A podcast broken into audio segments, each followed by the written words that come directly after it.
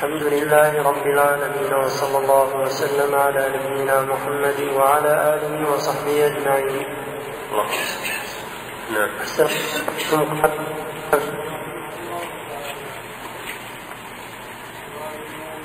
ارفع من الأخير سؤال سؤال منزل القرآن من من الكتب المسلمة جواب قال الله تعالى وأنزلنا إليك الكتاب بالحق مصدقا لما بين يديه من الكتاب ومهيمنا عليه. وقال تعالى وما كان الله ولكن تصديق الذي بين يديه وتفصيل الكتاب فيه من رب العالمين. وقال تعالى ما كان حديثا يفترى ولكن تصديق الذي بين يديه وتفصيل كل شيء وهدى ورحمة لقوم يؤمنون. قال عن التفسير مهينا مؤتمنا وشاهدا على ما قبله من الكتب ومصدقا لها. يعني يصدق ما فيها من الصحيح وينفي ما وقع فيها من تحريف وتبديل وتغيير ويحكم عليها بالنسخ أو التقرير. ولهذا يخضع له كل متمسك بالكتب القديمة مما لم ينقلب على عقبيه. كما قال تبارك وتعالى الذين آتيناهم الكتاب يعرف الذين آتيناهم الكتاب من قبله هم به يؤمنون. وإذا يتلى عليهم قالوا آمنا به إنه الحق من ربنا إنا كنا من قبله مسلمين وغير ذلك. لما فرغ المصنف رحمه الله تعالى من بيان معنى الإيمان بكتب الله عز وجل وانتهى إلى القول بأن من جملته الإيمان بأن القرآن ناسخ لما سلفه من الكتب عقد أسئلة تتعلق بالقرآن الكريم لا تخرج عن اندراجها في الإيمان بكتب الله عز وجل بل هي لاحقة بهذا الركن. تابعة له متعلقة بأعظم كتب الله وهو القرآن. وابتدأ هذه الأسئلة بقوله ما منزلة القرآن من الكتب المتقدمة.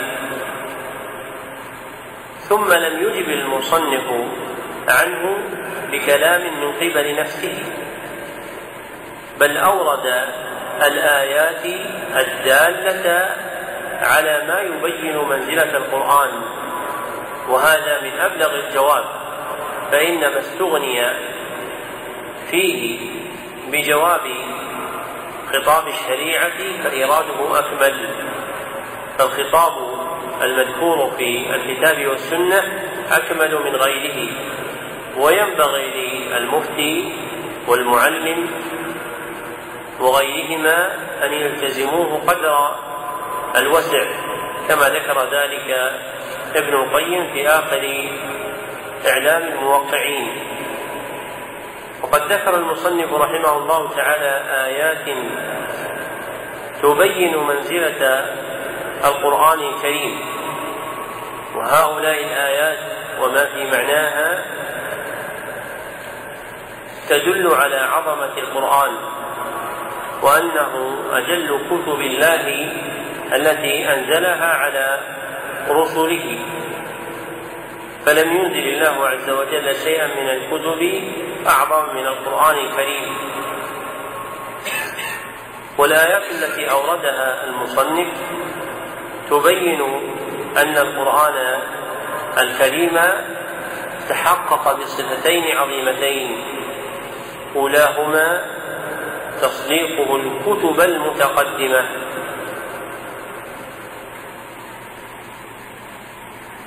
والثانية هيمنته عليها.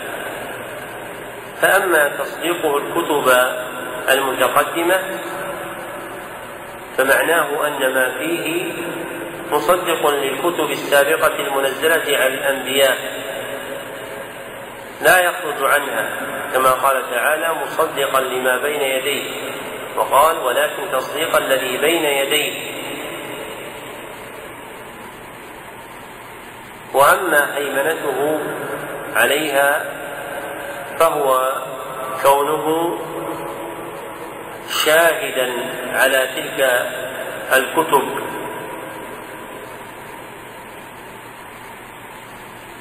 مستوليا عليها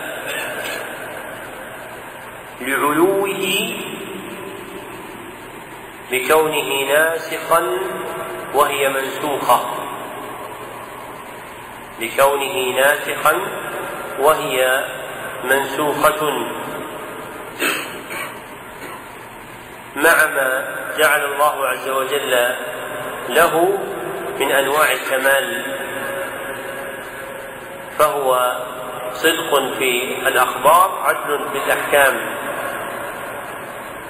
وإذا كان هذا وصف القرآن بالنسبة إلى ما تقدمه من الكتب أنه يعلوها ويهيمن عليها فإن علوه وهيمنته كلام غير الله عز وجل أولى وأحرى. فإن العظة بالقرآن والانتفاع بعلومه أعظم من الاتعاظ والانتفاع بعلوم مأخوذة من كلام الخلق. والمرء يجد للقرآن الكريم سلطانا على النفوس. وهيبة تلامس القلوب. ووقع هذا من جماعة لا يعون الخطاب العربي ولا يعرفون القرآن. عرضت عليهم آيات من القرآن الكريم فسمعوها فعجبوا منها أشد العجب وكانت سبب إسلام بعضهم. وقد ذكر أن رجلا كافرا من النصارى صحب جماعة من أهل الإسلام في رحلة في سفينة وكانت الرحلات المتقدمة يطول أمدها. فقام بعض الناس في هذه السفينة وذكر الناس وخطب فيهم. وكان يمزج تذكيره بشيء من آيات الكتاب. فلما فرغ بعد ذلك ورجع إلى رحله من تلك السفينة ومحل إقامته جاءه هذا الرجل فسأله عن بعض الكلام الذي يعرض في كلامه وأنه لا يكون له صفة كلامه كلام من هذا؟ فقال هذا كلام الله سبحانه وتعالى ومن طهر قلبه وكمل يقينه رسخ هذا الأمر في قلبه رسوخا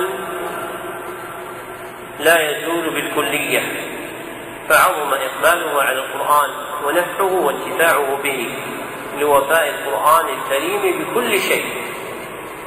وتقدم من تراجم إمام الدعوة رحمه الله تعالى في كتاب فضل الإسلام باب الاستغناء بالكتاب عن كل ما سواه الاستغناء بالقرآن عن كل شيء.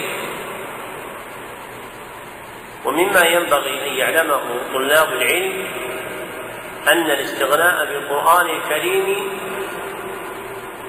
في طلب العلم يفتح لهم به العلوم النافعة ويتضح بالنظر في آياته مشكلات المسائل. لكنه يحتاج إلى قوة إقبال عليه وصدق معرفة في محبته. ولا ينبغي أن يغفل طالب العلم القرآن الكريم قراءة وحفظا وتدبرا وعملا حتى يقيم علمه. ومن لا يكن له نصيب من ذلك فإن علمه ناقص وإن حفظ ما حفظ من المتون.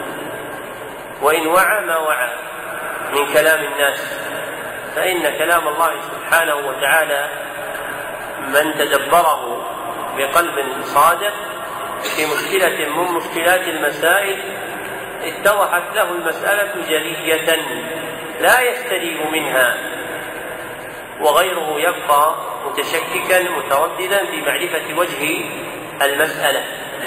ومر نظائر من هذا بحمد الله وسابق فضله وسابق فتحه في جملة من المشكلات التي تنحل بآية من كتاب الله سبحانه وتعالى.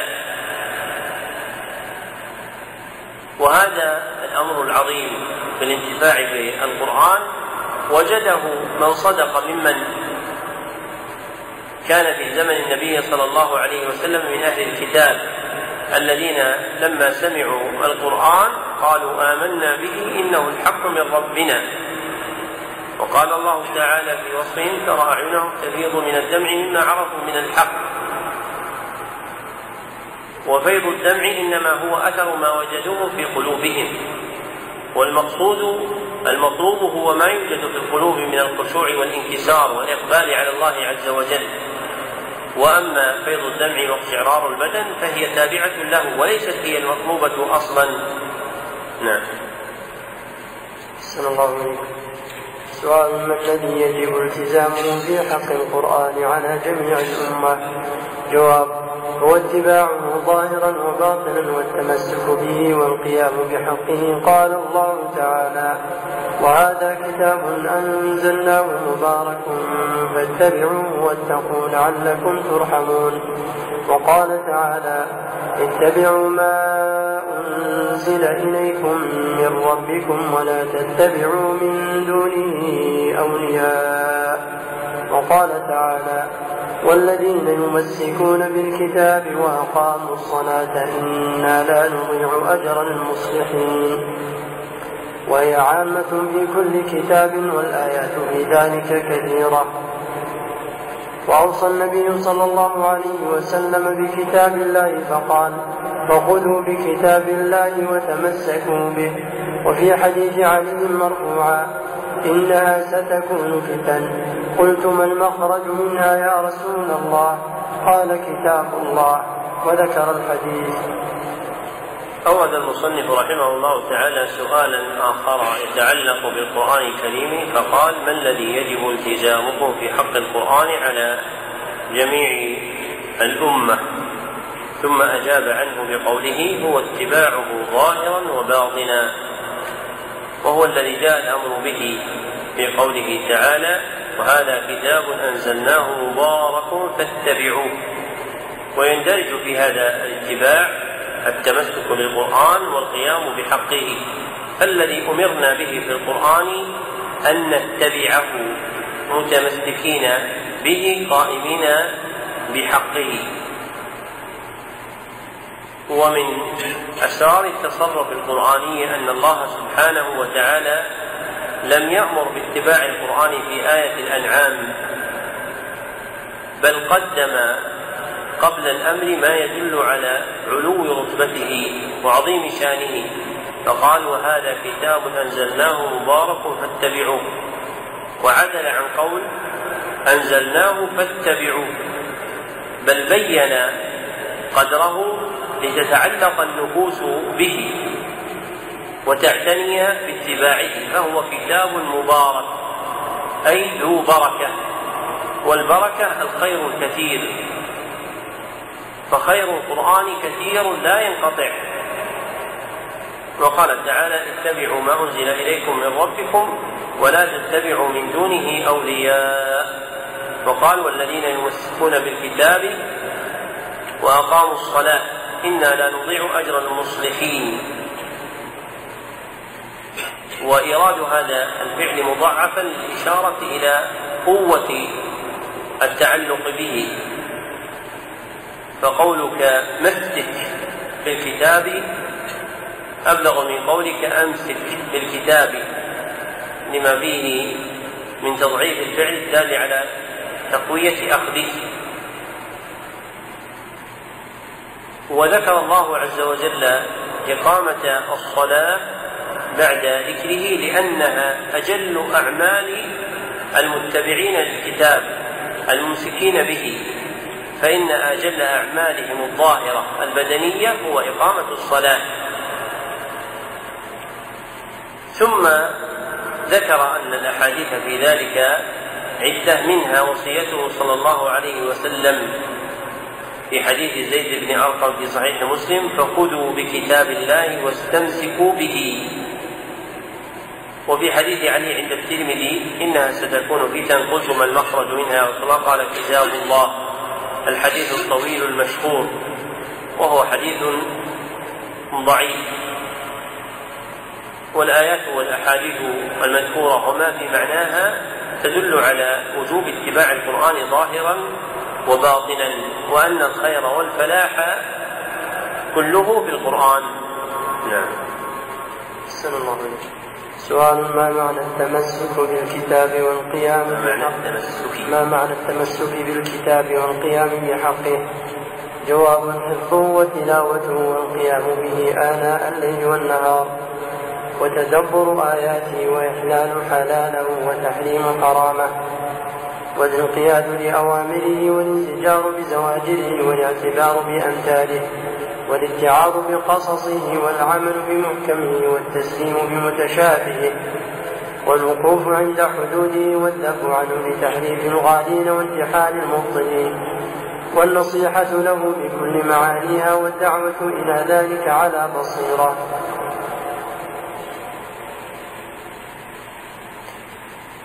أورد المصنف رحمه الله تعالى كتاب سؤالا آخر من الأسئلة المتعلقة بالقرآن. فقال ما معنى التمسك بالكتاب؟ أي بالقرآن والقيام بحقه. ثم ذكر كلاما أنشأه في ذلك فقال معددا وجوه ذلك حفظه وتلاوته والقيام به آناء الليل والنهار إلى آخره. والتمسك بالكتاب والقيام بحقه يعود إلى الأصل المتقدم المأمور به وهو اتباع الكتاب واتباع الكتاب له درجتان الدرجة الأولى فرض مثل إيش؟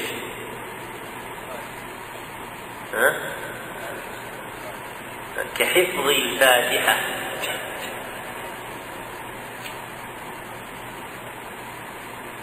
وأيضا والإيمان به. أو الإيمان به. لأنها معطوفة كحفظ الفاتحة والإيمان به والعمل به والتحاكم إليه. كل هذه إيش؟ والثاني درجة نافلة. درجة نافلة. مثل إيش؟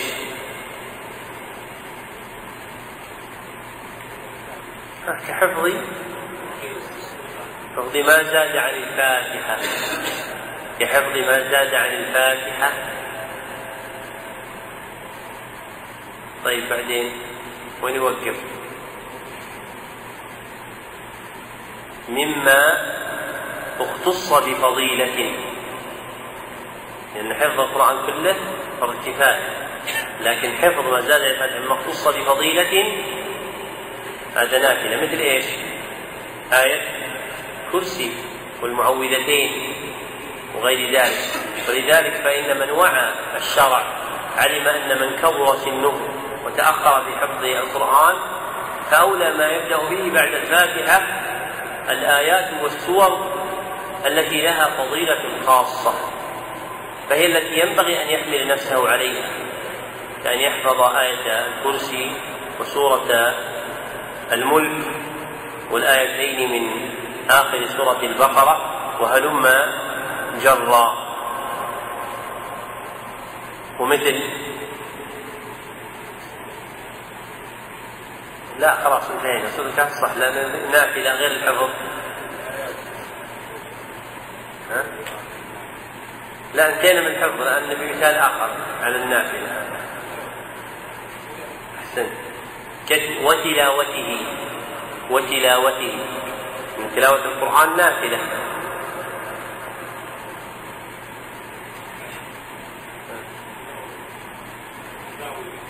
أحسنت التداوي به. التداوي به. هذه من جملة النوافل التي تتعلق اتباع القرآن وهو التمسك بالكتاب والقيام بحقه ورد العلم إلى أصوله أولى من إرساله بفضوله. فإن هذا الكلام الذي ذكره الشيخ يتسلسل لتعدد الأنواع لكن رد العلم إلى الأصول التي تضبطه أولى فتعرف أن العبد مأمور باتباع القرآن ثم تعرف أن الذي أمرنا باتباعه منه على درجتين إحداهما درجة فرض والثاني درجة نافلة. طيب للفائدة من بركات القرآن نحن نذكر في المشكلات. قال الشيخ والقيام به آناء الليل والنهار. ذكر الله عز وجل في آية من آيات كتابه ما حال بعض أهل الكتاب ممن يتلون كتاب الله سبحانه وتعالى في هذه الأوقات. فقال من أهل الكتاب أمة قائمة يتلون إيش؟ آيات الله. إيش؟ آناء الليل وأطراف النهار. قال آناء الليل وأطراف أو أطراف. قلنا آناء الليل ما في النهار؟ آية العمران كيف من أهل الكتاب أمة قائمة يتلون آيات الله آناء الليل وهم يسجدون. ما في الفائدة في تدبر القرآن يا إخوان. قال لي مرة الشيخ بكر رحمه الله تعالى خذ هذا وأعطاني كتاب عمدة التفسير للعلامة أحمد شاكر رحمه الله وأراني فائدة ملحقة في آخره من كلام الشيخ أحمد شاكر أنه قال لا ينبغي تسمية فواصل الكلام الوارد في كتب أهل الكتاب بآية فمن عزى إلى الإصحاح الثاني والإصحاح الثالث أو إنجيل متى أو غيرها كما يقع في الكتب التي في الاعتقاد. فلا ينبغي أن يقول الآية رقم كذا من إنجيل برنابا أو إنجيل متى أو غير ذلك. هذا معنى كلام أحمد شاكر رحمه الله. استحسنه الشيخ بكر. وهذه الآية نص في أن فواصل الكتب السابقة تسمى أيضا إيش؟ آيات. قال يتلون آيات الله من أهل الكتاب. يعني هم يتلون كتابهم المنزل عليهم. ففواصل التوراة والإنجيل تسمى آيات. كما تسمى فواصل القرآن الكريم. ومن تدبر القرآن الكريم ونظر فيه بعين البحث تفجرت له ينابيع العلوم في أنواع المنطوق والمفهوم. وهذا آخر البيان لهذه الجملة من الكتاب. وبالله التوفيق.